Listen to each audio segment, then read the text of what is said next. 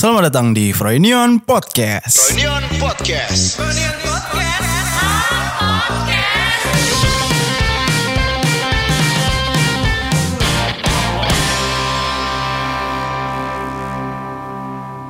Halo Mar.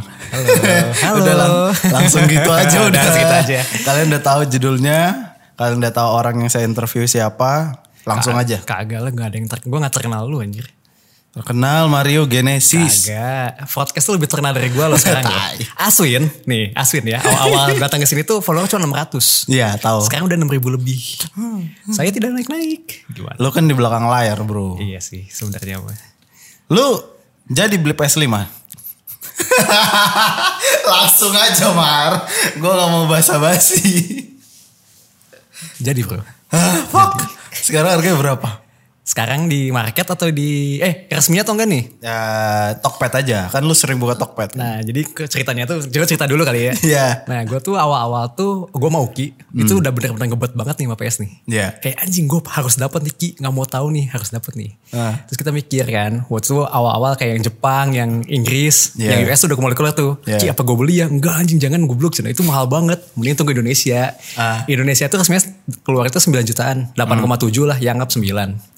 Cuman waktu hari hanya nih, itu nggak dapet karena harus PO. Iya. Jadi sekarang tuh pokoknya gue tiap hari mau gitu tiap hari nge-refresh Tokopedia tuh kira-kira turun atau enggak, turun atau enggak masih 15-an lah. Anjing. Lu mau beli tuh 15 juta lo. Pengennya nunggu.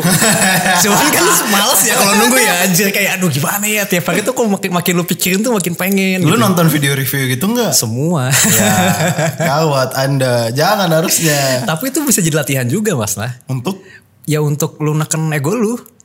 Hmm, ya oke. Soalnya kalau misalnya cowok ya, gue nggak tahu misalnya lu nih. Hmm. Kalau misalnya cowok udah pasti hobinya banyak lah. Lu kok foto, Ya, motor, ya. dan lain-lain nih. Ya. Kadang-kadang lu pasti pengen beli apa, beli apa. Cuman kan ada prioritas yang lain nih. Betul. Eh, lu ada kebutuhannya apalah gitu, tersier dan lain-lain kan gitu kan. Hmm, Cuman kalau misalnya lu berusaha buat kayak oke gue gak mau pikirin, gue gak mau pikirin itu bakal terus kepikiran. Pasti makin Pasti kan. makin. Kenapa nggak lu coba sekalian apa hadapin aja tuh?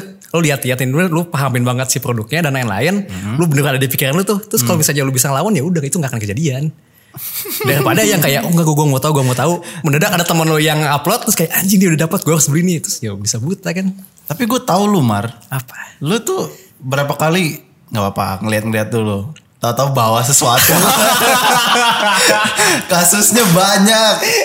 Ini ya setelah gue kenal lu ya, lu beli tuh jam Apple Watch, Iya. beli iPad, Iya. beli em, apa tuh yang buat headset, Em, apa sih AirPods, Pro. AirPods iya. Terus bentar lagi mau beli laptop.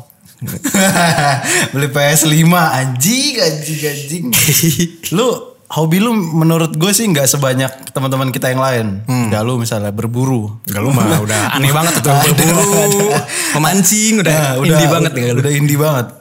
Lu main PS tuh emang masih ada waktunya? Ada dong. Kapan bro? Kan lu di kantor sudah ngurus brand, ngedit, pitching, Sabtu Minggu. ideation, Sabtu Minggu. Oh, Sabtu Minggu. Satu harian tuh. Enggak satu harian malam doang. Lu oke. Remnya apa bro? Misalnya lu udah apa eh, satu hari hari Sabtu misalnya, gue main PS dari jam berapa sampai jam berapa itu tuh remnya apa? Rapnya apa ya? Maksudnya kalau gue itu Iya. wajar lah. Maksudnya semua orang tuh menurut gue kan pengen punya work life balance yang oke lah. Iya. Menurut gue ya. Iya. Menurut gue soalnya kalau misalnya lu, kalau gue pribadi, kalau misalnya gue paksain main nih hari biasa nih, itu nggak akan kekontrol. Iya. Pasti pengen main. Apalagi kalau misalnya beneran dapat PS5 nih, itu udah Iya. kayak wah anjing udah bodo amat kalau kerjaan lah gitu bakal main Soalnya, mulu. soalnya anda udah beli TV. Iya itu, itu belum gue belum gue mention tadi tadi. Wah anjing ini udah tinggal satu satu lagi nih komponen lagi nih. Iya kayak gitu intinya. Jadi seenggaknya tuh gue kalau misalnya ngomongin stres stres gue. Hmm. Kepikiran banyak tuh kepikiran banyak. Makanya seenggaknya Sabtu tuh waktunya gue refreshing lah. Cuman gue juga ya ngomong juga kalau misalnya Sabtu gue pure buat main doang seharian itu nggak akan nggak akan istirahat juga otak lu gitu. Betul, Ya capek kan? juga. Capek kan. Makanya itu remnya sebenarnya tergantung dari diri lu sendiri sih. Lu yang matiin porsinya kayak gimana. Misalnya Sabtu katakanlah pagi-paginya gue eh, keluar ngapain kayak jalan hari pagi atau ngapain baca-baca buku, Iya. tapi bukan buku kayak lu. Buku-buku ringan doang. Lu kan Iya. kayak berat-berat banget tuh. Iya lah, lu buku ringan doang. Ngobrol sama orang gue sebenarnya menurut gue jadi refreshing. Seru ya. Iya kan ngobrol sama orang, ngapa-ngapain. Maksudnya ngobrolnya gak harus langsung, chat sama siapa gitu gak kenal juga gak apa-apa. Malam-malamnya udah main. Tapi apa ya, kalau gue tuh mungkin bagus, bukan bagus sih. Kalau gue tuh mungkin kebiasaannya tuh emang tahu waktu aja. Hmm, hmm. Jadi kalau misalnya waktunya tidur ya tidur. Nah itu remnya. Biasanya laki-laki tuh nggak ada remnya kan. Hmm, biasanya. Apalagi kalau misalnya udah ngomongin hobi ya. Iya kayak apa ya ini kan ini stress release gue ini gue berhak ngapain dong harusnya Iya. gitu kan kayak gue misalnya dandanin motor tiba-tiba beli sepeda gitu Hmm. ya nggak ada nggak ada remnya tiba-tiba ya udahlah yang penting gue senang gitu kan Tapi kan kalau di kantor gue mau nanya yang di kantor nih orang yang hobinya mahal itu biasanya tekanannya tinggi Emang iya enggak? iya dong iya bro hobi yang mahal itu berbanding berbanding lurus dengan tekanan pekerjaan di kantor Hmm. Gak tahu sih teori gue nih. Iya, menurut lu ya, menurut Iya, ya. menurut gue ya. Lu sekarang ngerjain banyak. Ngedit ya, bikin deck ya, Hmm. Iya. pitching ya. Lu sendiri paling seneng yang mana? Sebenarnya kalau sekarang tuh gue senengnya pribadi ya, Hmm. pitchingnya, Pitching. pitchingnya. Kenapa? Soalnya, nah ini tuh kebalikan sama gue berapa tahun lalu. Iya, yang tahun lalu lah. Lu dengerin podcast yang tahun lalu deh. Gue lupa, gue lupa. Beda. Kok dulu kan gue ngedit-ngedit doang, ngedit. Nah, pokoknya kalau misalnya sebenarnya mau cerita juga, gue tuh pitching-pitchingan atau ngurusin brand juga ini sebenarnya kecebur. Iya. Diceburin gue sama ada lah orang Ada. orang berpengaruh dulu di sini. Biawak. biawak biawak kayak gitu kan sebenarnya terkecebur kayak gara-garanya awal-awal tuh kita lagi punya masuk brand. Hmm. terus kayak lu mau nyobain gak nih bikin ideationnya nih? Oh bikinnya kayak gimana? Terserah lu gitu. Anjing dilepas gitu kan. Iya, kan sering lu. banget kayak gitu kan. Iya, iya, dilepas dilepas. Lama-lama mulai bikin mulai bikin. Dan ternyata malah jadi disuruh terus. Jadi kebiasaan sebenarnya kayak gitu. Berarti menurutnya bagus. menurutnya bagus. Tapi menurut tapi dari gue pribadi gue ngerasa ya kayak eh, kayaknya gue awalnya nggak kayak gini dah gitu Hmm, Oke. beres kerasa kan? Soalnya kan banyak nih apalagi kalau misalnya kerja di industri kreatif tuh di mana lo awal-awal job desk lu ini mendadak dikasih sesuatu tapi jadinya itu terus nih. Iya. di mana kayak kayaknya nggak gini deh awal-awal deh. Kayak gua. kayak lu ya kayak lu kan kayak lu Iya. kan. Dulu videographer tapi podcaster. Tapi lama-lama kok podcaster suka seru juga nih Iya, ya kan? pengen bikin kayak gitu. Sama kayak gini sama kayak gue juga sebenarnya si konteksnya kayak gitu.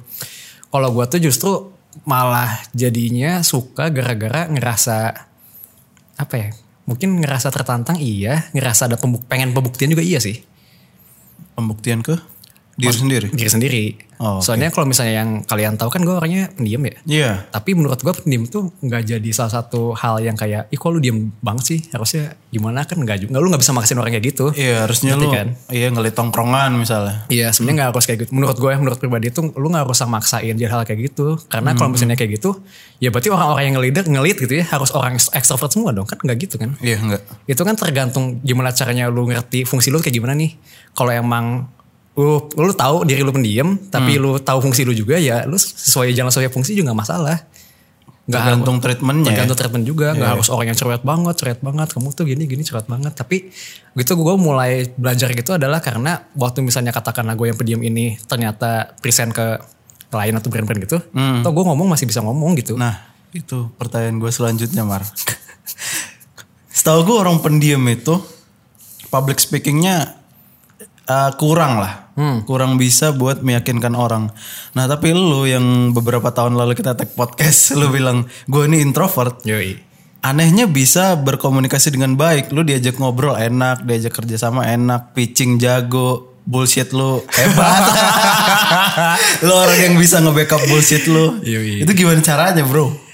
latihan lah Ngapain lu melatih di depan kaca gitu? enggak enggak tapi gue kadang-kadang ya Iya. awal-awal tuh gue panik justru Hmm. awal-awal eh yuk ikutan pitching yuk apaan tuh present present tuh panik gue sumpah gue panik itu waktu jawa-jawa itu gue panik banget Iya. itu gue sampai sebelum present gue pasti nulis Hmm? nulis apa pun yang nanti bakal gue ucapin Oh, anjing.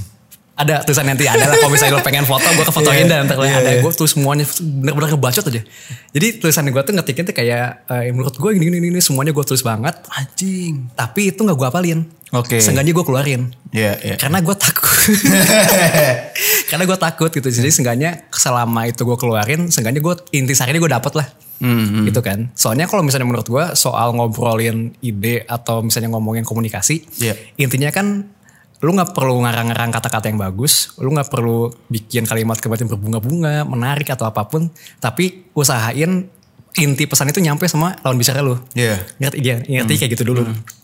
Selama itu nyampe, ya udah menurut gue itu bisa diimprove dengan yang lain gitu. Di lapangan ya. Di lapangan itu mah namanya intuitif aja gitu.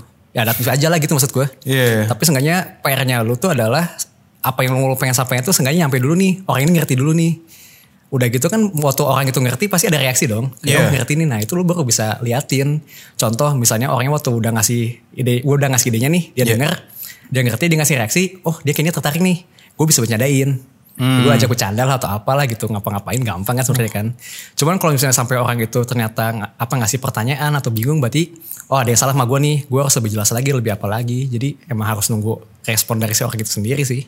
Berarti ya entah bahasanya mungkin diturunin dikit ya, Ya, biar dia gitu. mengerti gitu-gitu lah. ya. Hmm. Karena kebanyakan kan kita ngomongin teknis ya. Dan orang yang lu jumpain kan orang-orang yang gak seumuran kita kan biasanya. Hmm, dari sisi, dari segi klien kan. Kebanyakan. Hmm. Makanya sebisa mungkin ya emang harus tahu sih sebenarnya sih. Dari cara omongan lu, responnya gimana, adaptifnya kayak gimana harus tahu juga. Itu satu, nulis. Yang kedua gue kadang juga latihan conversation sama diri gue sendiri. Wah. Karena gue takut itu Frank dulu ngomong sama orang tuh takut banget anjing kayak ini gue ngomong gimana takut kan be- be- be- be- be- be- Iya, gitu iya, kan iya, takutnya kayak gitu cuman ya udah sih mau nggak mau itu namanya kan kerjaan Lu nih kalau gue, gue tuh tipe orang yang misalnya ketemu orang tuh gue pelajarin. Hmm. Eh, ada topik tertentu yang mungkin nyambung nih kalau ngobrol sama dia. Hmm. Ya bisa dibilang bekal gue buat basa-basi lah. Iya. Lu nyiapin gitu nggak? enggak Terus gimana caranya? soalnya gue kalau pribadi gue nggak suka basa-basi orangnya Nah, lu pertama kali ke gue nggak basa-basi tuh? iya kan nggak Enggak, basa-basi gue kan? nanya. apa Kan lu pertama kali gue ke kantor nih ya, Hmm. datang Mario nih. Itu tato ya? Itu dijelas basa-basi Wak. ya karena butuh pengenalan. Oh. sengaja butuh ada interaksi pertama. Iya, dari interaksi pertama ada pelajaran, ada data. ada data ya udah itu gue baru bisa lihat. Kayak tadi aja sih. Sebenarnya gue gue intinya apa ya senjata gue waktu ngomong sama orang tuh gue harus butuh respon. Gue harus tahu dulu nih respon orang itu kayak gimana. Jadi seenggaknya kayak oh kayaknya orang ini nggak bisa bercandain nih. Udah gue seriusin. Oh, kayaknya orang ini open nih gue bercandain dan yang lain kayak gitu. Dorongannya apa buat buat lo, gue harus ngajak ngobrol orang tertentu misalnya. Selain klien ya, buat disenangin. kalau kalian kan emang pasti disenangin tuh Iya, iya. dorongannya paling gue karena emang gue butuh Frank Hmm, oke. sebenarnya seg- segampang itu sih. Kalau dulu tuh sebenarnya kayak gini sih, ya lebih ke arah mungkin ada orang yang mikir gue ini bisa apa apa sendiri dah gitu. Iya. Apalagi apalagi orang yang mungkin diberkatin sama hal-hal yang dia jago banget lah berbakat bisa ngapain aja apa yang dilakukan bisa lah gitu berhasil gitu. Cuman lama-lama ya bakal segitu-segitu aja. Skillnya. Skillnya, kapasitasnya, cara dia buat pengetahuan insight lainnya kan sebenarnya butuh orang banyak asupan dari orang ya walaupun Iya. sebenarnya tingkat kualitasnya di bawah lu tapi sebenarnya pasti ada orang dapat apa lu nggak dapat sesuatu lah dari orang ini ya butuh itunya sih apalagi kan di umur umur umur kita sekarang menurut gue ya di mana nggak cuma mikirin karir lagi gitu maksudnya kalau dulu kan masih berapi-api nih anjir Iya, gue iya, pertama kali masuk ini. kantor gitu Iya, kan kayak iya. gimana dan lain-lain cuma lama-lama ternyata ya kehidupan lu juga nggak cuma di kantor doang lu punya kehidupan lain yang harus lu siapin dan buat nyampe situ tuh lu nggak bisa jalan sendiri anjir Iya. banyak yang harus lo lakuin. Sesimpelnya contoh nih buat orang-orang yang mungkin kayak ah gue kayaknya nggak butuh ngobrol sama ini ini ini atau gak gue introvert nih nggak mau ngomong sama siapa-siapa. Ya gimana caranya nanti lu bisa ngobrol sama calon mertua lu gitu. iya gak sih? Iya, iya. Itu kan salah itu kan salah satu pitching ya. Betul. Gimana caranya gue mendapatkan anak lu nih gitu Iya, kan. Gue iya, punya iya. ini, gue punya ini gini-gini, gue Iya, mau anak lu nih gitu kan Iya. susah anjir. Itu pitching ya benar. Pitching loh itu, Iya, pitching kehidupan. benar benar. Oke, Eh, lu bekal lu dua-duanya penuh nih gue lihat. Lu ada bekal di hard skill, lu ada bekal di soft skill. Mulai kapan lu sadar kalau nih soft skill gue nih harus gue asah nih? Soft skill. Iya. Hard skill udah tahun lah, Mario jago banget lah. Visual segala macam udah jago lah lu. Itu mulai gua nyadar waktu gua rasa apa ya kayak sejago-jago apa pun ya lu pasti Iya. ada orang di atas lu soal hard skill tuh itu dari situ gue udah mulai nyadar kayak kayaknya gue mending coba belajar soft skill yang lain nih. Karena kalau misalnya apa ya, waktu itu tuh pemikirannya adalah kayak kan gue editor, Iya. kayak Aswin lah, Iya. pengennya bikin suatu hal yang dope, dope, Iya, dope, Yang idealis. idealis, Iya. lu upload, Iya. ada feedback kayak, oh gue jago banget Karya, anjing," gitu karya. kan, karya, Iya, karya iya. seniman bro, Iya, kayak gitu iya. kan. Cuman lama-lama akhirnya mikir juga kayak se apa ya se kulik-kuliknya gue, waktu gue sih sebenarnya ini pengalaman pribadi sih. Sekulik-kuliknya gue, ternyata waktu gue lihat-lihat banyak banget artis yang sebenarnya lebih jago dari gue. Hmm. Kalau misalnya lu pengen berkecimpung di dunia kayak gituan ya, Art ya. art ya. Soalnya kan gue gue lumayan orangnya lumayan ambisius lah gitu. Pengennya Iya. kayak gue pengennya paling jago nih atau gue pengen apa pasti pengen lah semua orang kayak gitu kan. Cuman kalau buat itu ya gimana ya lu butuh jangka waktu yang panjang, jam terbang yang gede juga. Jadi ya udah Gak Lu- bisa tuh ya nggak nutup bisa, mata sama iya. biar karya gue yang berbicara udah nggak nggak bisa lagi udah menurut lu terlalu nggak klise tuh ya. Iya terlalu klise juga. Apalagi kerja di agensi. Hmm, di mana mungkin waktunya sempit juga buat ngulik-ngulik yang lain kan. Akhirnya ya daripada lu bersusah payah buat jadi nomor satu tapi saingannya banyak dan hal yang praktek skill gini. Ya maksudnya kena gue butuh sesuatu yang walaupun orang ini lebih jago dari gue nih, Iya. gue bisa bikin konsepnya nih. Jadi ya dia yang bikin aja gitu. Dari situ gue langsung mikir kayak kayaknya butuh soft skill juga. Apalagi terutama buat soal bercerita sih. Nah itu lu lu orang yang jago bercerita sih menurut gue. Apalagi di Li MG lu itu. lu bisa ngarang ini, ngarang itu anjing nih orang. Di lapangan langsung lo bisa lo. bercerita itu menurut gue penting sih. Maksudnya emang itu kan yang bilang ya untuk apa ya untuk menguasai segala hal ya lu butuh butuh skill buat bercerita gitu. Buat semuanya itu. Lu nulis, belajar bercerita awalnya dari nulis.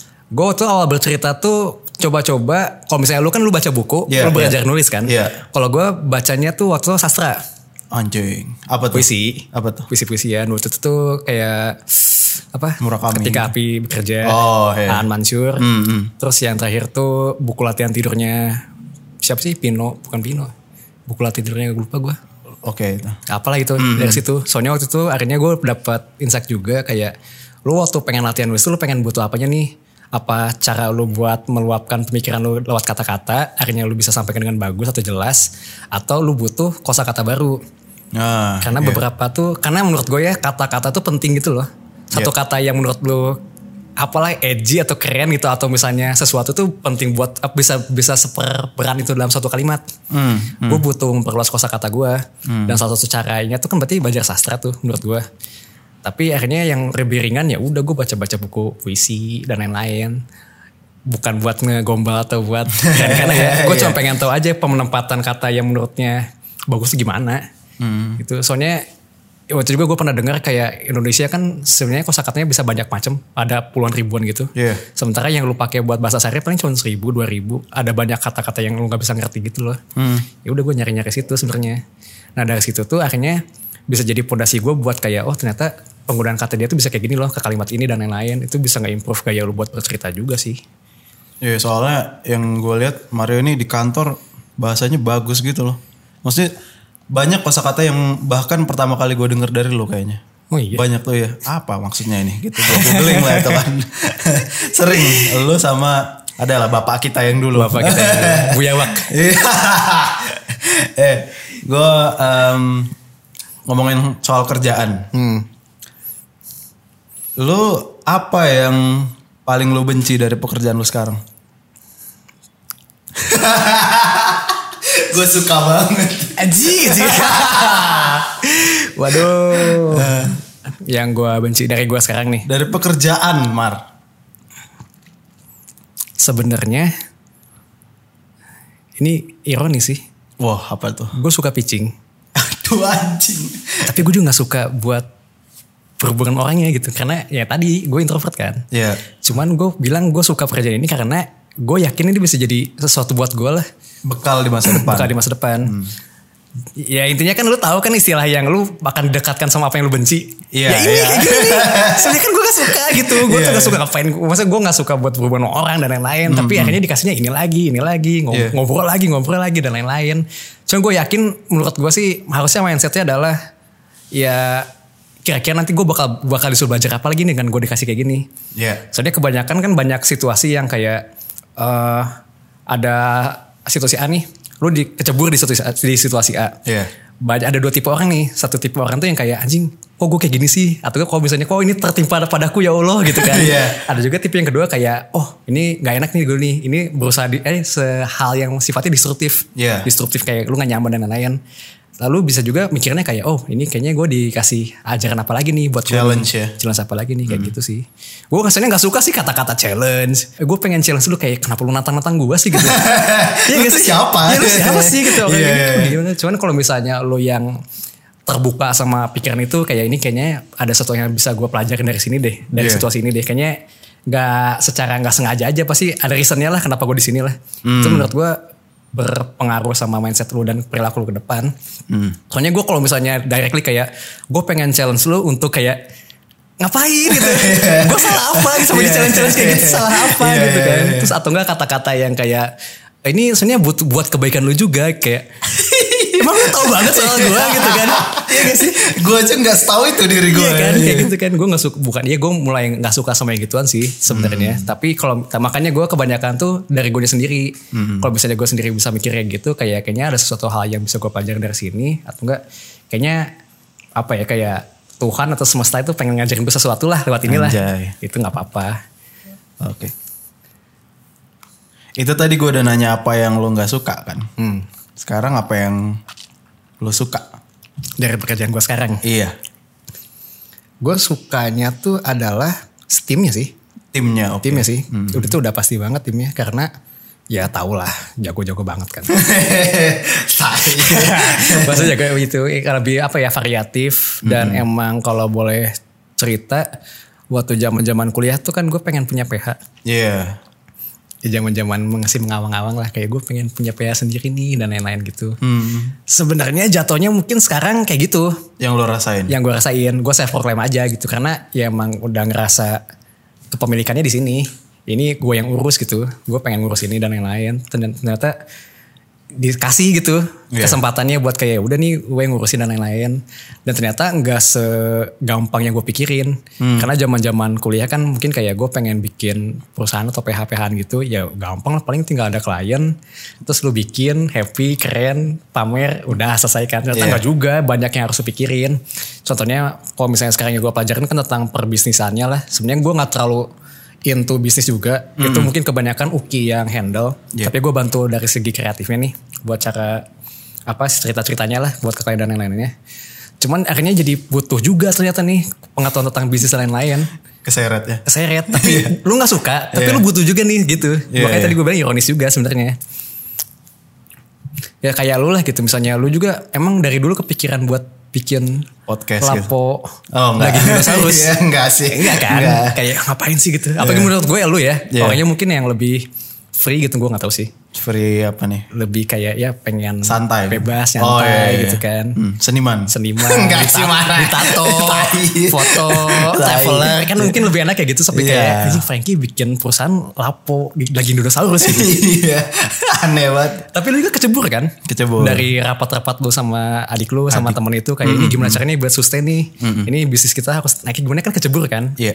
Walaupun mungkin lu juga mungkin nggak nggak nyaman juga di hal yang kayak gitu tuh Pusing. Lu mungkin- iya kan pusing Iya, kan iya. mungkin yang lu pikirin kayak oh gue pengennya ya Bebas. jualan Iya. atau gue bantu foto-fotonya doang udah gitu tapi iya. kan nggak bisa kayak gitu Nggak Ya bisa. sama kayak kondisi gue sekarang Kayaknya at some point kita emang pasti ketarik ke ranah manajerial sih. iya mau nggak mau Hmm, mau nggak mau. suka nggak suka lu bakal ditarik ke yang situ dan menurut gue kalau misalnya lu dikasih kesempatan buat hal seperti itu tuh nggak sukanya apa pun lu ya lu lakuin aja sih menurut gue Iya, karena pasti berguna buat lu lah walaupun lu nggak suka buat ke depannya Hmm. Kita baru aja em, ditinggalkan salah satu sosok yang kita semua look up. biawak Mr. Biawak. Mister biawak Eh, menurut lu dari kacamata lu, lu yang ngelihat dari ini dari konsep dari awal dijalankan, lu yang nge-refresh subscriber kita setiap jam waktu itu.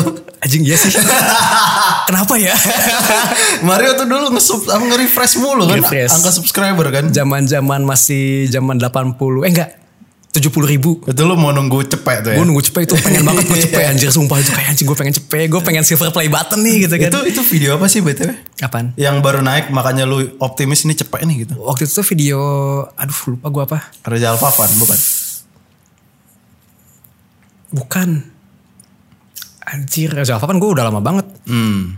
eh apa sih? Influencer. Vengeance, vengeance. Oh, Vengeance. Vengeance. Yang apa apa internet apa sih? Bye bye YouTube. Bye bye YouTube. Bye bye YouTube. Yang ya, itu. Iya, yang tambahnya dia jadi pocong. Nah, dari situ sampai sekarang sampai yang udah 500 berapa? 90. 590. Hah? Cepet banget. 550 kali. 560 lah. Ya, 560 Iya, ribu 560. subscribers dari dari yang sebelum 100 ribu sampai sekarang. Hmm. Pasti lo lihat beberapa perubahan kan. Banyak. Nah, kita yang gue bilang tadi baru ketinggalan, eh baru ketinggalan, baru ditinggalkan bapak kita.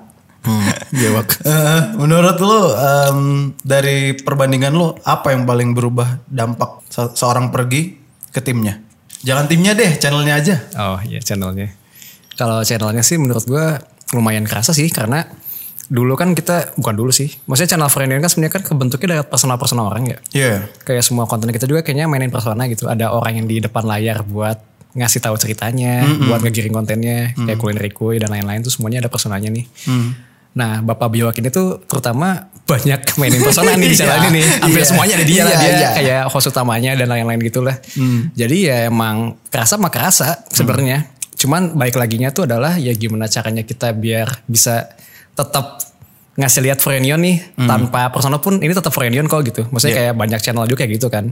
Akhirnya ya yang lu pengen tonton ya Frenionnya bukan orangnya. Betul. Dan emang dari awal itu dibentuk juga emang pengennya kayak gitu. Kayak Frenion tuh sebenarnya bukan orang-orangnya kok tapi ya kita semua Frenion. Iya. Makanya itu ada hashtag We Are Frenion itu lah kayak gitu loh. Setuju ya. Di mana orang-orang sivilionnya lah, orang-orang yang dengerin ini atau mungkin orang-orang yang penggemar Frenion juga bisa akhirnya ngerasain kayak gue juga menurut gue itu bagian dari Frenion kok gitu. Makanya banyak juga perubahan konten untuk mengantisipasi itu. Iya. Contohnya kayak tapi boleh coba kan eh, awalnya kita kita semua yang nyoba, tapi Iya. lama-lama kita bisa tarik orang luar buat nyobain. Sifber juga itu salah satu apa sih film bersuara juga salah satu program yang emang dedikasi buat bikin community lah biar mereka tuh akhirnya bisa ngerasain jadi friendnya juga. Menurut gue sih kayak gitu. Jadi kalau misalnya buat ke channelnya sebenarnya emang berdampak banget tapi masih apa ya masih tetap on track kok dari apa yang kita buat dari apa yang kita pengen bikin Hmm, hmm. gitu.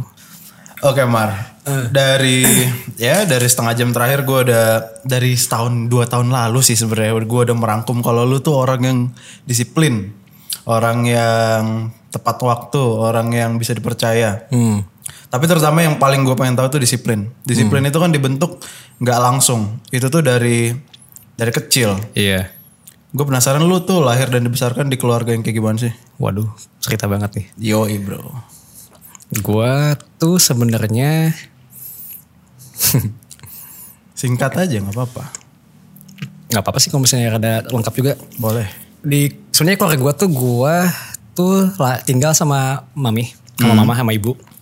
Bokap gua tapi di Surabaya. Hmm. Jadi beda beda kota gitu lah, beda kota dan kebanyakan waktu gue sebenarnya di hidupnya tuh gue dihabisin sama mami dari zaman SD sampai SMA kuliah kan eh sampai kuliah soalnya sekarang kan udah di Bintaro dan dulu tuh sebenarnya gaya pendidikannya tuh lumayan keras Oke. dulu lumayan keras kayak jam bangun tuh udah ditentuin Wow. Jam berapa? Subuh jam 6 Oke. Soalnya gue waktu itu kuliah aja, eh kuliah. Gue tuh sekolah jam 7 waktu SD. Jam 6 udah harus bangun, sarapan dan lain-lain. Pulang dan lain-lain. Itu udah diatur lah dan gimana-gimana punya. Dari situ mungkin kayak akhirnya ada, ada apa ya. Aturan tidak tertulis gitu. Ada aturan tidak terus yang nyatu ke tubuh. Kayak jam 6 gue harus bangun ya udah. Gak boleh telat dan lain-lain dan gitu. Dan, tapi dan itu tuh berlangsungnya berapa tahun gitu gue lupa sampai SMP karena waktu SMP gue udah mulai rebel tuh tapi menurut gue dari enam tahun berarti SD ya SD kelas 1 sampai kelas 6 itu lumay- lumayan rada tertanam gitu loh ke diri gue tanpa sadar dan itu tuh sebenarnya gue nggak suka juga nah itu gue tuh kebanyakan hidup gue tuh Ironi. banyak hal yang nggak suka ke gue tapi itu sebenarnya kepake buat gue Ah, ah, ah. udah selalu kayak gitu gue juga Iya, bingung kayak iya, gue iya. gak suka gak suka gak suka lama-lama kok gue ikutin kok malah pelajarin lama-lama buat gue juga gitu Hmm. sampai SMP udah mulai rebel tapi rebelnya nggak yang aneh-aneh maksudnya gue Nggak narkoba lah ya. Gak narkoba. Nggak narkoba. Sampai maksudnya jadinya lebih ke arah ini sih. Kayak misalnya SMP gue main ke warnet Hmm. sama teman-teman gue juga. Tapi yang bikin uniknya adalah gue tau waktu. Nah, Gue tau waktu. Aneh. Jadi misalnya gue oke gue mau main ke warnet nih main Dota. Eh, oke dua jam. Ya udah gue cuma bayar dua jam. Gue nggak bisa billing. Buset. nggak bisa nambah lagi Kan biasanya kita ke warnet bebas aja sampai malam kan sampai malam kan Iya. enggak nggak bisa gitu kecuali emang satu minggu ya udah keluarnya apa nyampe nya malam ya udah tapi nggak pernah nyampe tidur di warnet nggak pernah Gadang. Enggak, enggak pernah. Ya udah aja gitu maksudnya. Mungkin bawah gara itu ya? juga sih. Iya ke bawah. Jadi eh apa ya menurut gua kayak pendidikan keluarga tuh emang yang paling ngaruh sih. Hmm. Se lu nggak suka, lu nggak suka atau gimana kan lingkungan ngaruh, lingkungan ngaruh tapi ya pondasinya dulu nih lebih kuat Betul. yang mana menurut gue kayak gitu. Sepakat ya. Jatuhnya malah ke bawah sampai sekarang. Karena menurut kalau gua tuh jadinya kalau misalnya nggak tepat gitu. Hmm. Ada rasa bersalah sih gue dan menurut gue nggak enak gitu. Sama sama. Itu kan kayak misalnya aduh gimana ya gimana ya. Apalagi kalau itu keluar dari mulut gue. Hmm. Ngerti kan? Kalau misalnya gue janji sesuatu nih misalnya eh, oke kita konten naik jam 7. Hmm. Dari gue yang ngomong nih itu mau gak mau harus jam 7 sih. Oke. Itu mau gak mau ya mau gak mau. Hmm. Tapi eh, enaknya gue tuh bukan enak sih kayak gue pedenya tuh waktu gue bisa, gue bisa ngomong kayak gitu gue langsung kebayang nih cara-caranya kayak gimana. Hmm. Jadi katakanlah misalnya konten apa ya ada satu konten A gitu. Gue bilang sendiri, gue bilang sendiri oke naiknya Kamis jam 7 keluar nih.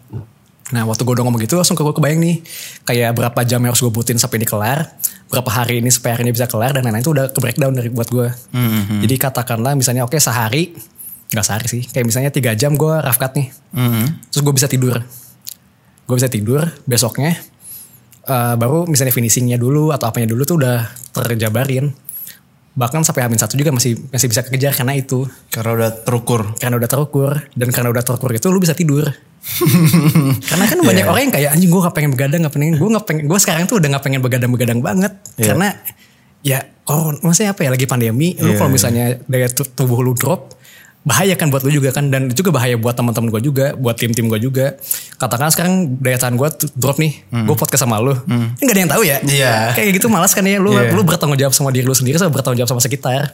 Makanya sebisa mungkin ya lu tidur lah. Dengan cara lu tidur tuh lu bertanggung jawab sama semua orang menurut gue sekarang tuh udah gampang banget Sepakat sih. kayak gitu jatuhnya ya udah mungkin kepantik kepantiknya gara-gara awalnya kayak gitu sih dari awal kecil backgroundnya emang lumayan keras juga dididiknya banyak aturan-aturan yang tidak tertulis tapi akhirnya tertanam di gua ke bawah sampai kerjaan jatuhnya gue bisa nge-breakdown dengan bagus sih soal waktu ya terutama soal waktu Eh, siapa sosok yang paling mengajarkan lo soal disiplin?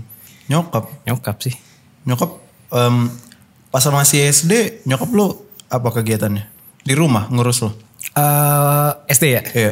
SD dia kerja Oh kan biasanya kan anak kecil kan ngelihat seseorang kan baru dicontoh sama dia kan. Hmm. Kalau gue mungkin jatuhnya nyokap adalah karena ya itu tadi bokap gue di Surabaya. Berarti sosok orang tua yang gue lihat hampir seumur hidup gue nyokap. Dan dia tiap pagi itu bangun pasti jam 4. Gue ngerti. Pasti jam 4 bangun nyapu, ngepel, nyuci. Terus sebelum dia pergi kerja udah pasti sampai sekarang juga kalau misalnya gue ke Bandung dia udah pasti ngebekelin gue. Entah itu nasi atau apa Sampai sarapan lah. sekarang. sarapan sampai sekarang sarapan sama minum apa kok susu atau kopi dan gimana gimana sampai sekarang udah pasti kayak gitu terus dan ya udah dia kerja pulang jam 5 beres tuh Iya. nah gue tuh tiap hari bertahun-tahun tuh ngeliat hal yang kayak gitu jam 4 dia bangun kerja kerja kerja dulu dan pas selalu di meja gue tuh udah selalu ada Sarapan. sarapan dan lain-lain itu kan tiap hari gue lihat Iya. ya itu juga jadi kayak mungkin kepantok buat gue juga kayak oh ternyata emang harus kayak gini ada waktu yang udah pasti lu kayak gini dan lain-lain karena sekalinya nggak ada sarapan tuh itu bakal jadi pertanyaan buat gue "Ini kenapa nih ke mana nih dan lain-lain Ah. Gitu sih Lu punya gua harusnya nanya ini di awal. Lu punya panggilan Chinese nggak? kagak oh, masih sih? kagak kagak Bahasa Tionghoa Hokkien gitu? Kagak, Nggak ada nama kagak. khususnya? kagak kok di gue nggak karena Wow. di gue tuh gue Cina Iya. tapi nggak yang setotok itu Oke. nggak yang nggak yang sedalam itu gue Iya, Cinanya iya. gue tuh tinggal di lingkungan yang semuanya pribumi Ah, ah. rumah gue di Bandung itu satu gang Iya. mungkin yang Cina gue doang itu benar-benar se uh udah ini satu jadi satu Cina itu dikelilingin semua uh, banyak banget teman-teman pribumi saya di Bandung Jadi nggak nggak ada ngerasa kayak wah minoritas gitu nggak ada tuh rasa-rasa kayak gitu. enggak karena zaman zaman SD gue malah main sama mereka Hmm. zaman zaman sama anak-anak main di gang gitu gue tuh main orangnya dulu Iya. main ucing sumput kayak main umpet kayak Iya. tapi teman-teman gue semua dan gue Cina dan gue gue nggak merasa di Dikucilkan. kecil kan enggak menurut gue gitu ya mungkin lingkungan gue bagus, bagus juga sih tapi jatuhnya enaknya jadi banyak apa banyak apa sih tuh minim untuk rasisme gitu lah. Iya. Karena waktu misalnya gue sincahan, itu kan gue makan-makan. Iya. Kadang-kadang gue undang tetangga-tetangga gue, ayo makan yuk. Oh. Tapi kita kasih tahu, ini ada yang babi. Oh, jangan dimakan jangan yang dimakan ini. yang ini. yang ini aja Iya. gitu. Ini ayam nih kayak Iya, gitu. iya. Kebanyakan juga mereka kadang-kadang kalau misalnya mereka lagi lebaran, Iya. kayak ketupat, kayak apalah gitulah. Kayak gitu-gitu juga gue diundang. Hmm. Makan yuk, dikasih gitu. Ya udah, jadi lebih enak menurut gue. Karena lu seorangnya menurut gue sangat beropini dalam semua hal. Nah. Gue mau nanya sama lu karena lu Cina yuk. Kenapa orang Cina harus menikah sama Cina? Aji. Menurut gue ya, Iya. menurut gue pribadi nih. Iya, jadi kalau misalnya ada yang tersinggung. Soalnya pacar saya gue? kan beda sama Iya. saya kan. Karena menurut gue pribadi adalah sebagai Cina ya. Hmm. Menurut gue orang Cina itu bangga banget sama keturunannya mereka. Hmm, Maksudnya terhadap rasnya, terhadap nasionalisme dia, terhadap Cina tuh bangga banget. Tinggi ya? Tinggi. Oke. Ya itu gara-gara, menurut gue gara-gara itu. Dari dulu. Dari zaman zamannya kebanyakan kakek nenek Hmm. yang kayak "Eh, kita Cina nih pasti di, di, dididiknya adalah ya itu lagi Disiplinnya kayak, orang. disiplinnya orang Cina tuh kayak gini, Cina tuh gini, sih. Iya. dagang, berusaha, apalah, Gigih. jualan dan lain-lain itu kan sebenarnya udah kelihatan keras gitu kan. Iya, eh, kita harus iya. gini gini gini gini. Iya. Makanya mereka tuh bangga sama hal itu kayak oh gue bisa jualan bisa gini gini dan lain-lain. Hmm. Di luar konteks pelit ya dan sipit ya. Kayak gitu. Iya, iya. Jadinya eh, mereka juga menurut gue kayak pengennya tuh punya pasangan atau keturunan yang seenggaknya sifatnya tuh sama kayak mereka. Oh, oke. Apakah orang ini gigi juga, apakah orang ini bisa jualan juga dan lain-lain. Sebenarnya nggak harus jualan atau dagang sih. Hmm. Iya. Tapi yang utamanya kan sebenarnya sifatnya ya. Iya. Lu waktu maksudnya dagang itu kan lu usahanya keras gitu. Lu mulai dari nol, lu nawarin sesuatu yang mungkin orang gitu kayak anjing itu apaan sih gitu. Apalagi kebanyakan orang-orang Cina kan punya toko besi. Hmm. Iya. Jualannya kan toko besi, toko Iya. makanan gitu Iya. kayak siapa yang mau beli besi gitu kan. Dalam hati gue gitu kan siapa yang mau beli besi ya gitu. Iya. Mama gue dia nyokap gue dia sekarang kerja di toko besi Hah. besi deh Cina emang gitu lah toko besi makanan udah pasti kayak gitu Iya, iya. cuman maksudnya ya gigi banget itu loh sampai banyak yang jadi banyak Banyak banget. banyak kan Hmm. karena mereka mau belajar untuk jualan dan dagang-dagang itu gigi banget menurut gue jadinya kenapa ya pengennya Cina lagi itu menurut gue dari sudut pandang sifat ya Hmm. pengennya orang kayak gini Prinsip ya. prinsip tapi ada juga mungkin orang yang pengen mempertahankan kebudayaan mereka Hmm. jadi kayak udah ini kita ikatannya budayanya ya udah Cina Cina semua nih karena satu budaya satu apa Hmm. Biar turun gampang. menurun ya. turun menurun dan mungkin lebih enak juga karena kan kalau Cina kan lu komunikasi kan ada budayanya ya kayak sanjit Iya, mahal kan? Wuh. Wah, bro. Batak mahal lebih mahal lagi Iya Chinese kayak bro. gitu kan. Iya. Nah, kalau misalnya ada persilangan antara budaya ini, Hmm. itu juga pasti ada ego yang harus lu turunin. Betul. Apakah lu pengen ngikutin budaya pernikahan gue atau budaya pernikahan lu? Hmm. Bisa dua-duanya kalau kaya banget. Iya. Iya kan? Iya. Kalau misalnya kayak oke kita eh, hari ini budaya gue, Hmm. minggu depan budaya lu, lu kan bikin dua kali prosesi ya. Nah, iya. Kan keluarnya mahal ya kayak Betul, gitu. betul. Maksudnya lebih lebih ke arah situ juga. Karena kalau misalnya gue ngomong soal kayak menjaga garis keturunan ras gitu, ya ada sih orang yang mungkin punya pilihan kayak gitu. Iya. Cuman kalau dari gue pribadi sendiri sih menurut gue nggak terlalu masalah sih, karena udah bukan zaman zamannya lagi Siti Nurbaya gitu buat lo dijodoh-jodohin sama seseorang. Iya. Karena soalnya peran orang tua kan sebenarnya kan ngebimbing anaknya buat jadi apa ya ultimate versionnya mereka lah. Mm-mm. Iya kan, ultimate versionnya mereka bukan Iya. ultimate versionnya lu. Iya. Karena kalau misalnya tiap apa pun anak itu didikte sama orang tuanya, ya dia nggak akan jadi dia bakal jadi nggak tahu jati, jati dirinya apa anjir. Setuju. Ya gitu kan. Ya udah kalau misalnya si anak ini tahu pasangannya walaupun beda ras atau beda apa tapi ini bisa maju kok gitu. Gue bisa bahagia dan kita baik-baik aja yang kenapa nggak didukung menurut gue. Tapi kan yang nentuin hidup anak lu kan ya yang ngejalanin hanya ngejalanin hidup anak lu kan anak lu. Dia sendiri ya. Iya gitu. Emang lu udah siap nikah lu?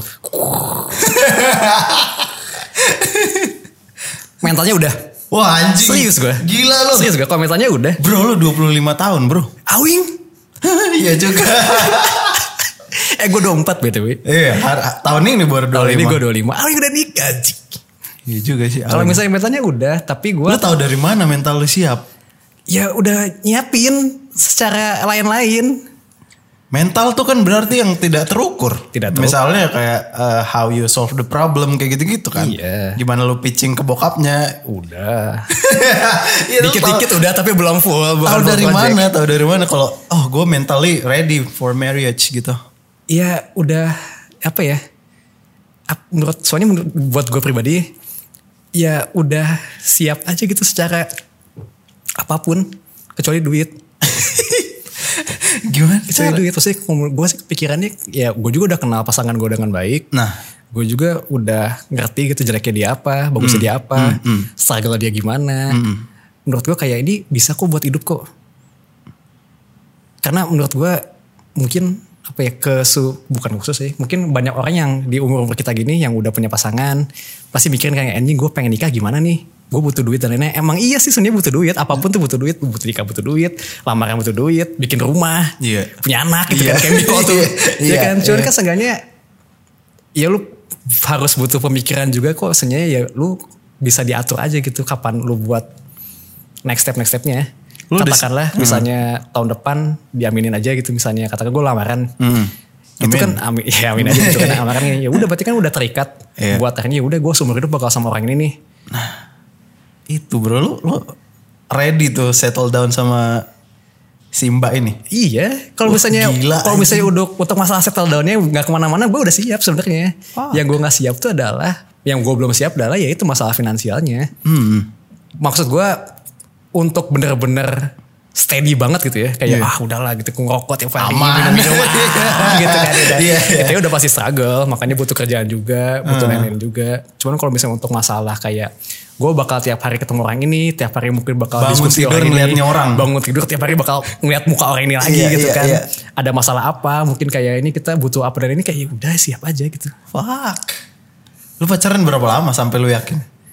Pacarannya sih baru 2 tahun. Nah, PDKT-nya orang tiga- banyak yang pacaran 8 tahun gagal nikah loh. Tapi PDKT-nya 3 tahun. Berarti lu kenal sosok ini udah lima tahun. Udah lima tahun. Amit-amit nih Mar. Nah, Amit-amit nggak dia gimana? gak, Tiba-tiba ada something happen gitu. uh, susah susah gue buat jelasin sih. Lu nggak, lu ada nggak plan B-nya? Maksudnya, maksudnya setiap setiap lu orangnya penuh siasat menurut gua. Hmm. Untuk yang ini nggak ada. Serius, untuk ini, oh ini gue Anjing. berani bilang untuk ini gue nggak gue nggak nyiapin plan B apa pun karena emang udah yakin gue. Fuck bro. Itu emang yakin, udah nggak logik yang main ya. Udah nggak logik Kalau masalahnya. kalau perasaan itu udah beda itu. Ya karena misalnya gini contohnya ceritanya kan dulu PDKT 3 tahunan itu banyak strugglingnya. Iya. Gue ditolak, bukan ditolak sih. Ditolak, ditolak tuh kayak hina banget gitu. gue kayak anjing itu. ditunda, ditunda. Ditunda. gitu. kayak misalnya gue dulu tuh ada, ya udah gak apa-apa ada sempat ketidakcocokan lah gitu sama keluarganya dia. Satu dan lain hal. Satu lain hal, masalah Cina yang tadi itu Iya. nyambung juga di sini. Dia tuh Oke, oke. dia rada-rada kental banget lah budaya Cinanya. Hah? Sementara gue yang tadi ya hybrid hybrid, Hybrid. gitu, gitu. Slow gitu kan gitu. Di mana yang tadi gue bilang ada mungkin ada ke apa ya ke Yakinan? ketakutan Hmm. oleh orang tuanya kayak apakah anak ini bisa jadi dengan cara ya lu budaya Cina sendiri aja nggak terlalu dalam Oh. kan ada orang itu gitu pertimbangan kan. orang tua. Hmm. pertimbangan dan lain-lain zaman zaman itu juga masih kayak "Ah, naik motor saja Maksudnya gue kan se- se- slow itu dulu ya Iya Slow itu dong. gak, nggak mikir apa-apa Dulu juga kayak tiap ngomongin kayak investasi Atau misalnya bisnis itu dari Hmm. Apa itu? Iya kan Iya kan zaman Iya. kuliah apa itu Seniman yang paling Iya, seni gitu iya. Itu juga kayak gak terlalu terbuka-buka amat Gak Iya. bisa ngomong hal yang serius Gak bisa ngomongin hal yang mendalam Di mana kayak ada ketidakcocokan Dan akhirnya kayak apakah yakin gitu Hmm. Sampai dari situ juga gitu menurut gue jadi problem buat gue juga Bukan problem sih beban malah Pertanyakan ulang tuh lo ya. Iya kayak anjing susah banget nih buat dapetin anak ini nih gitu. Woi. Karena itu juga salah satu yang uniknya adalah si pasangan gue yang sekarang tuh sebenarnya nggak ses bukan nggak susah sih nggak yang apa yang gue pengen banget juga gitu Hmm, hmm. kan lu tiap buat dapetin bukan tiap lu buat nyari cewek kan lu pasti pilih-pilih ya Iya. kayak gue pengen dapet ceweknya kayak gini gini gini gini yang cocok sama gue nih Beli gadget aja milih-milih bro. Iya kan kayak gitu kan. Iya. Nggak juga sebenarnya. Hmm. Maksudnya untuk nyamain sama kecocokan sifatnya gue tuh ini banyak enggaknya. Hmm. Contohnya gue anaknya bebas banget dulu. Sementara dia kan ya itu terukur lah. Kayak Iya. misalnya harus pulang. Hmm. Dekat banget sama keluarga. Sementara waktu itu gue lagi rebel-rebelnya. Kuliah pulang malam pulang subuh mulu. Di mana menurut gue kayak gue pengen nyarinya yang sama kayak gue. Yang ayo fun, fun aja gitu. Ya, iya. Nyantai Iya, gitu iya. kan dan lain-lain dulu tuh justru gue tuh lumayan kaget bukan kaget lumayan tertekan waktu tiap gue mau main gue harus ke rumahnya dulu Hmm. gue harus izin dulu jadi sebelum dia pergi itu gue harus ke rumahnya dulu gue harus izin dulu ngajak kumpul dulu Eh, saya mau ngajak anak om main nih baru pergi Ke mana gitu? Ya, Kita gitu, tanya, tanya, ke mana? Jam segini pulang ya? Enggak sampai Oh, segitunya enggak. tapi dari gue kayaknya paling sampai jam segini udah Hmm, hmm, hmm. itu kan menurut gue buat orang introvert kayak gitu kan lumayan berat ya kayak Iya. anjing gitu. Ngadepin ini. Iya kan? Ngadepin. itu di luar radar gue dulu lah. Yoi. Karena di waktu gue kayak teman-teman gue tuh dulu kayak pacaran pacaran aja gitu. Gak usah yang serius-serius lah. Iya pacaran pacaran aja ke mana main langsung cabut cabut cabut gitu. Yoi. Ketemuan di sini cabut ya udah gitu kan. Ini kan kayak "Wah, susah banget kata gue.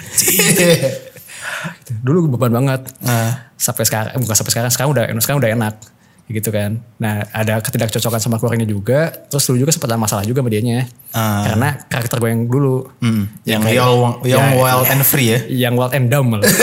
Saya nggak mikirin apa-apa, Frank. Iya, Dulu iya. tuh nggak mikirin apa-apa kayak ya udahlah gitu. Yang penting PDKT PDKT. Makan dulu kan gue nembak-nembak dia.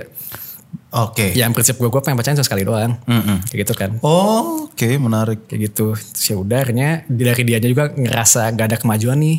Kayak ini kayaknya akhirnya udahan. Padahal belum pacaran. Tapi kayak udah kayaknya udah nggak kayaknya nggak ada gitu. Oh, Kayaknya- lagi PDKT udah di-cut aja tuh. Iya, sama dia kayaknya nggak dikat dan itu menurut gue gue lumayan stres itu.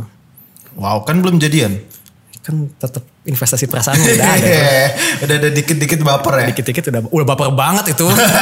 ya maksudnya sampai lu susah nih ngelihat kayak gue ngajak main cewek ini harus ke rumahnya kan itu gue berkorban loh sebenarnya loh dari gue sendiri. Iya. Kalau misalnya gue nggak nggak mau mah gue bisa aja nyari alasan kayak kayak kayaknya enggak deh kayaknya belum gampang usah deh kan. gitu ya. Iya. Iya. Iya, iya, iya. Tapi gue mau mau kok gitu buat carinya ke sana ngobrol-ngobrol buat gitu udah investasi banget ya bucin sih.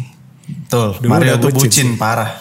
Ya sebenarnya kalau misalnya percaya udah bucin sih cuman gue merasa itu jalan yang benar Hmm, hmm. karena emang pengennya serius kok gitu gitu kan tapi dulu tuh mungkin nggak gue tembak-tembak adalah karena ada pemikiran yang kayak ah tunggu mapan aja lah Iya sih. tapi mau sampai kapan gitu Lebih baik bareng-bareng mapannya. iya mau sampai kapan toh sekarang juga udah kerja ya tidak mapan-mapan amat iya kan tidak mapan-mapan amat Ya, tapi kan menuju. menuju Iya. maksudnya kalau misalnya sampai sekarang berarti gue gak pacaran sampai sekarang dia nunggu berapa tahun Wah gila.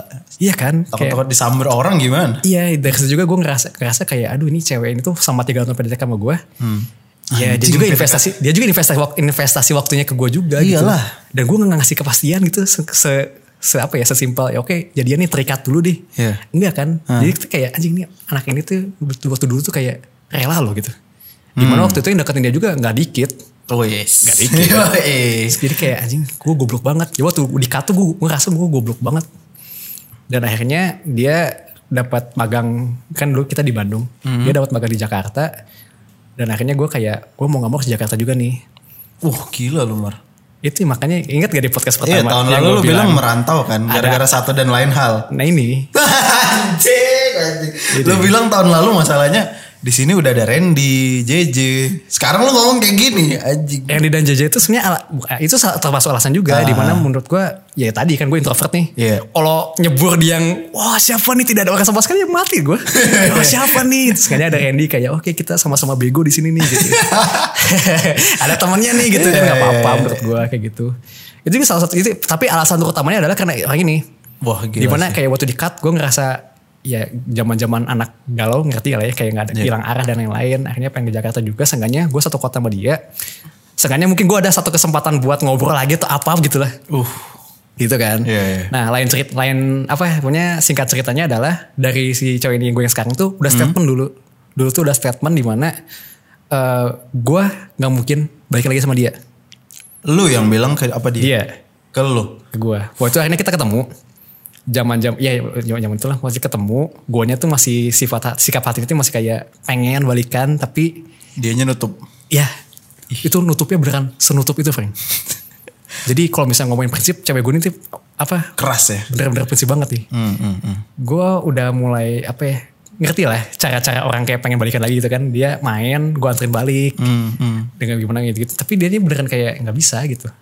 Wow. dari dia udah ngomong udah nge-step nggak bisa terus gue udah bingung juga akhirnya ya udah dari gue akhirnya minta ketemu lagi terus Tolonglah. nggak gue ngomong ya udah gue hargain keputusan lu Oh. kok emang nggak bisa ya udah nggak apa-apa nih Anjing. tapi seenggaknya ini ini clear nih sini nih kayak ya gue sebenarnya masih pengen gue sebenarnya masih pengen sebenarnya sih cuman ya udah nggak gue nggak bisa maksain juga gitu kan orang goblok gue aja dulu gitu kan ya kan Iya. gue nggak nggak ngasih kepastian doang Iya, gitu doang iya, kan udah lama. udah lama banget terus nggak ngasih kepastian akhirnya ya udah beres ya udah clear nih clear temen doang temen doang beres terus akhirnya ada berita di mana dia bakal pergi ke Maluku Nah. tahun-tahun lalu tuh Iya. Dia kan- Anjing berarti baru banget ya Mar ya. kan gue bahas kan gue pacaran 2 tahun. Iya. 2 tahun tuh sebelum itu kan lamanya banyak cerita aneh-aneh gitu sebenarnya. Iya ya.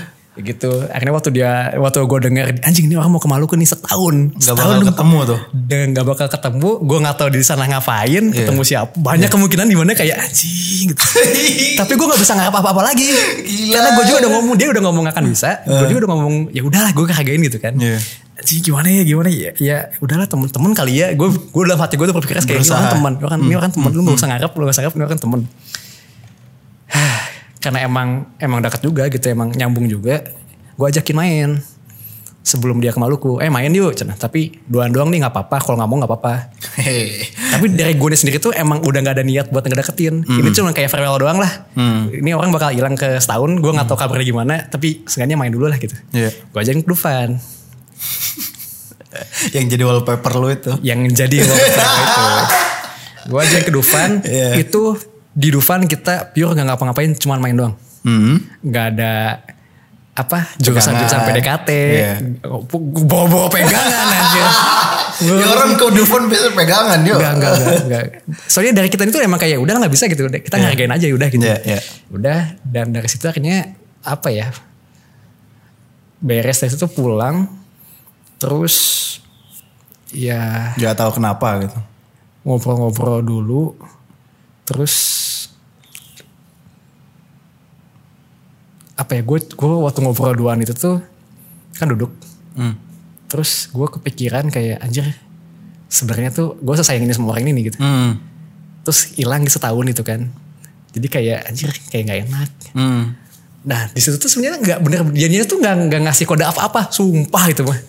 Nggak ngasih kode pengen balikan lah tuh nggak apa nggak intinya mah ya pak bukan patung sih ya orang pada normal aja ya udah biasa aja gitu kan cuman dari guanya akhirnya apa ya kayak ada dorongan di mana kayak gue tembak aja apa Anjing. bukan nembak aja apalah dengan harapan pengen dapat ya Iya. tapi seenggaknya gue pengen Ungkapin. ungkapin apa yang ada di hati gue aja gitu Mm-mm. akhirnya gue juga nggak ngomong, nggak ngomong nembak sih cuman kayak intinya ya ya apa ya tawaran lah kayak moga jadi jadi cewek gue atau pacar gue dan lain-lain. Nah waktu gue ngomong itu ke dia itu sumpah sehari itu yang gue bilang tadi gue tekenin lagi itu nggak ada dari dia aja nggak ngasih kode apa pun nggak ngasih reaksi apa pun dan lain-lain. Terus dia ngasih gue kertas eh buku. Buku ada tulisannya. Ah. dia nulis itu waktu kitanya udahan dulu. Masih udahan tuh kayak udahlah kayaknya nggak bisa nih. Hmm. dia nulis di mana em, dia tuh intinya inti dari tulisannya adalah kayak gue ya eh gue tahu ini mungkin berat juga nih buat lu nya juga. Cuman kayaknya waktunya nggak tepat nih. Maksudnya secara sifat itu nggak tepat secara waktu nggak tepat secara keuangan juga nggak tepat secara karakter juga nggak tepat dan lain-lain. Inti- intinya semuanya mess up lah. Hmm. cuman eh, dia juga dia juga sebenarnya tuh sebenarnya dia juga sebenarnya masih pengen. Oh. tapi dia janji ke diri dia sendiri kayak gue nggak akan ngebuka apa pun itu sampai akhirnya lu yang intinya tuh gimana ya Dia bahasanya nunggu lu. intinya dia cuma nungguin dia nembak gue doang karena dia cuma butuh kepastian doang selama selama gue nggak ngasih selama gue nggak punya keberanian buat kayak yaudah lu punya gue nih jadi dia nggak akan ngapa-ngapain ya udah Sebenarnya dia nungguin juga berarti. nungguin iya sebenarnya dia nungguin juga banget tapi yang bikin gue amazed adalah lu kalau lu kalau bisa jadi gue ya itu beneran sama sekali nggak ngasih kode apa-apa Frank Itu dia. reaksinya tuh sama sekali ya udah maksudnya dari zaman zaman berapa kali? Tiga kali ada gitu. Gue nganterin abis main nganterin kosan dia doang dengan harapan ya seenggaknya gue pengen make sure dia nggak kenapa-napa lah di jalan gitu. ya. udah nggak nggak di nggak di ngapa-ngapain cuman oh ya udah makasih. Udah gitu kayak Dingin ya. dingin cuk. Itu dingin sih cuk. itu. itu, itu gue gue di situ kayak anjing sedih kayak oh ini orang prinsipnya keren banget sih menurut gue Iya, iya. dari situ gue gue merasa bersyukur banget kayak anjing untung gue nembak sih Untuk lu berani-berani. ini. gue berani dan dia tuh nungguin setahun itu Itu dia sih. gitu. Terus akhirnya dari situ tuh udah kayak anjing jadi nih gitu. Maksudnya bisa nih dapet. Terus dia akhirnya ngomong doang kayak dia ya intinya mah dia cuma butuh kepastian doang. Hamin berapa sebelum berangkat ke Maluku tuh? Sebulan. Wah anjing loh. Gila mepet banget ya. Makanya gue ajak dia main. Sebulan. Akhirnya waktu udah nah waktu akhirnya nah dari situ tuh gue ngerasa itu titik balik. Gimana gue banyak banget anjing dulu tuh gue goblok banget itu. Makanya buat mungkin buat teman-teman yang udah merasa perjuangin sama pasangannya sekarang atau enggak calon gebetannya calon pasangannya sekarang ya intinya cewek tuh sebenarnya butuh kepastian tuh sepenting itu sih Setuju. Hmm. ya kan apalagi mungkin buat orang-orang yang punya prinsip kayak gue pengennya serius nih Hmm. ya sesimpel mungkin pacaran tuh penting sih menurut gue karena menurut gue pacaran tuh bukan fase di mana lu main-main hahihi ngedate makan fancy makan edgy cuman ini tuh masa di mana lu tuh kenal banget sama calon pasangan lu ke depan sampai selama-lamanya itu lu di sini di pacaran ini menurut gue Hmm. lu tahu jeleknya kayak gimana, lu tahu busuk-busuknya orangnya gimana, tapi di balik itu lu juga ngerti, oh cara pikir orang itu kayak gini Hmm. dan lain-lain kayak gini, ya udah. Dan waktu udah nyampe situ, itu benar-benar namanya pintu tuh kayak kebuka semua gitu loh, Frank. Sumpah. Jadi kayak dari zaman zamannya di keluarganya ada kayak ketidakcocokan, sekarang jauh lebih open. Oke. Gue juga kayak jauh lebih pede. Karena mindset gue adalah kayak, ya anjing gue dulu pernah hilang orang ini kayak gue gak mau segoblok itu lagi gitu. Mending gue seriusin sekarang gitu kan.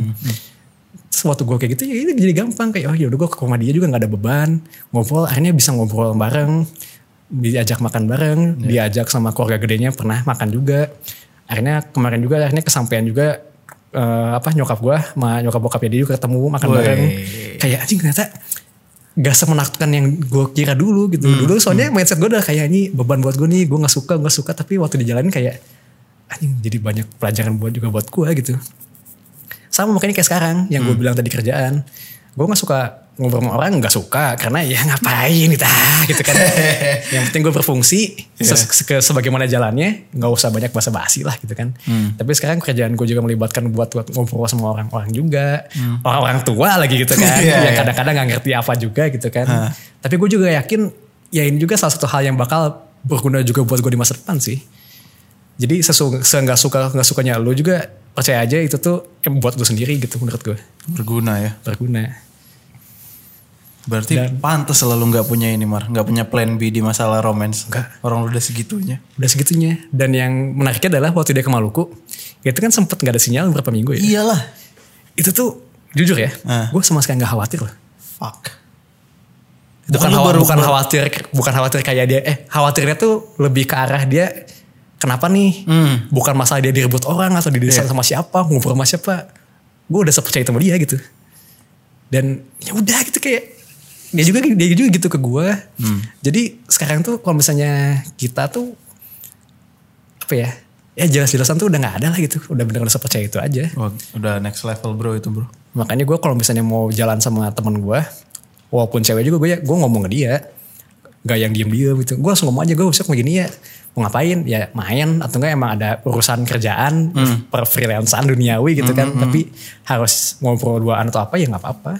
Langsung ngomong jadi ya udah nggak nggak nggak ada gimana-gimana. Itu sih sebenarnya. Makanya buat yang ini gue nggak ada plan B. Serius. Kalah lo di logic lo. Kalah eh, di kalah di romance lo. Kalah gue di sih. Oke, dari tadi tuh kita udah banyak belajar lah dari Mario ini. Cuman satu yang gue masih penasaran sama lo Mar. Hmm. Em, dari lu personal nih ya, apa yang pengen lu ubah dari diri lu sendiri sekarang?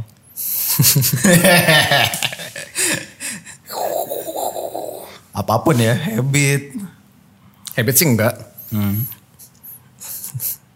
Nggak ada tuh. Habit enggak. Tapi kalau misalnya ngomongin soal karakter, yang gue pengen ubah adalah gimana caranya gue bisa lebih ngehargain orang sih. Oh anjing. Lo emang kenapa judgmental lo? Lumayan, tapi nggak gue kasih lihat. Contoh, Hmm. eh gimana ya? Gue tuh ngerasa orang yang menurut gue, gue gak akan dapat apa-apa dari orang ini. Gue gak mau dengerin. Oh sama banget lagi sama gue. Iya kan? Iya. Kayak, ah gitu. ah fuck lah. kayak gitu kan. Kayak Iya. udahlah itu satu. Tapi menurut gue juga itu gak bisa kayak gitu sih. Terutama mungkin ke depannya adalah lu butuh orang-orang ini buat bertemu bareng. Contoh misalnya lu bikin daging dinosaurus dua nih. Di mana lu sendiri yang kepalanya. Lu butuh orang-orang yang sebenarnya pengen support lu. Iya. Kalau misalnya lu tetap katakanlah cara pikir lu merendahkan orang ini nih yang kayak ah gue gak butuh ini kayak gue gak mau dengerin lah gitu siapa lu gitu nggak akan bisa maju sih karena Iya. karena gue tuh pengen banget bukan pengen banget gue tuh punya pemikiran di mana untuk lu maju atau untuk lu berimpact tuh umur tuh nggak nggak doesn't matter gitu Oke. ya kan Hmm. katakanlah nanti gue punya seseorang di bawah umurnya gue jauh tapi dia cara Hmm. Capable. pikirnya capable banget itu gue bakal ngerin oke gitu itu gue pengen soalnya gue tuh benci bukan benci gue benci banget sama yang kayak ah lu kan masih umur segini lu tahu apa lu kan gini-gini kayak nggak bisa gitu anjir gitu terutama untuk orang-orang yang jauh lebih tua ya ya karena sekarang tuh zaman-zaman di mana yo semuanya digital semua yang tren tuh anak muda lebih tahu lebih melek teknologi intinya sekarang tuh buat umur kita sekarang tuh ini panggungnya kita sekarang di sini. Iya. Di mana kita dapat spotlightnya nih. Kalau misalnya orang-orang tua itu yang ngerti, yang paham, mereka bakal deketin kita. Karena kita yang dapat spotlightnya nih gitu. Tapi kitanya ya ini, ini kayak gitu kan. Tapi buat orang-orang yang kayak ah lu nggak tahu apa-apa nih, gue udah pengalaman nih, Iya. udah pengalaman kan gue nggak suka ya kayak gitu ya. Iya. Gue juga nggak pengen. Jadi gue orang. takutnya jadi orang yang kayak gitu Ah, ke depannya. iya, iya, itu yang iya. harus gue perubah sekarang sih kayak gitu. Oke. Terakhir buat Froynion, harapan lo apa? Tetap simpel sih sebenarnya buat Fredion mas. Sebenarnya tetap ada. Hmm. Bakal- tetap ada. tetap ada. Sesimpel tetap ada. ya. Sesimpel tetap ada. Iya. Dan gue sebenarnya pengennya tuh adalah hmm, jadi sarana tetap sarana untuk anak muda yang entertainment kan karena kita fokus ke entertainment tapi bisa sedekat itu loh gitu sama penonton karena yang menurut gue ya sekarang di YouTube YouTube itu tuh kan kebanyakan contohnya lu juga pasti ngerasain soal podcast lah. Di mana waktu lu bikin podcast broadcast ini langsung top 10 Hmm. terakhir tuh top 3 eh top 6 ya? Paling gede ya? enam ya. top 6 kayak anjing gitu ya. podcast bro. Lu merasa kayak seneng gitu kan? Lu merasa kayak oh gue dekat penonton. Kayak ini impactful buat orang yang denger dan gimana gimana lu juga merasa dihargain. Cuman di sekarang sekarang tuh di mana mungkin fasenya tuh lebih ke arah artis-artis yang udah terkenal intinya ikut terjun ke kita juga sama kayak dulu zaman zaman YouTube. Iya. sekarang semuanya serba artis dari TV bikin konten bikin channel yang mungkin sebenarnya cuma vlog nggak apa-apa sih vlog doang tapi intinya intinya ya itu aja gitu maksudnya kayak gitu-gitu doang di mana kayak jadinya ini kayak TV lagi. Mm-mm. ya kan? Soalnya gue mulai ngerasa beda gitu loh waktu zaman zaman awal-awal masih 70 ribu tuh masih belum banyak artis lah gitu. Masih kayak ya YouTube YouTube gitu bisa di kayak gimana gimana cuman jadinya sekarang susah buat orang-orang yang Biasa biasa, ya. kayak kita untuk akhirnya didengar sama orang untuk akhirnya punya masa yang sebanyak itu juga gue pengennya bisa kayak gitu sih Hmm. Dari ekosistemnya berarti. dari ekosistemnya gue pengen banyak orang yang akhirnya terhibur sama kita bisa ngedengerin kita juga bisa dapat sesuatu dari kita juga selevel sama artis-artis yang baru mulai tapi langsung anjing jutaan gitu Iya. Karena ya lu juga pasti lu juga pasti ngerasain dong tiap lu- kita bikin konten segimana capeknya kita buat mikir Iya. ide segimana kita korban-korbanin buat apa gitu maksudnya gue juga waktu bikin waktu kalian bikin uji nyali Iya. Ya juga gue gue gue pun gak ikut juga gue kayak anjing teman-teman gue cuk Kenapa gitu kan nih? setengah malam Iya, sampai iya. jam 4 Miko sampai nggak tidur itu kan cuma Iya. buat bikin konten dengan apa ya dengan bumbu hiburan Hmm. tapi kan di balik itu kan kayak kita pengen ngasih tahu gitu loh kalau ternyata uji nyali itu nggak yang sesettingan itu ada ternyata ada ada pengalamannya ada lokal lokalnya juga ada insight yang lu bisa dapet Hmm. kan sebenarnya dalam ya Iya. semua konten kita sebenarnya katakanlah ada value dalamnya gitu ya cuman gara di bumbu hiburan aja kayak main-main Iya.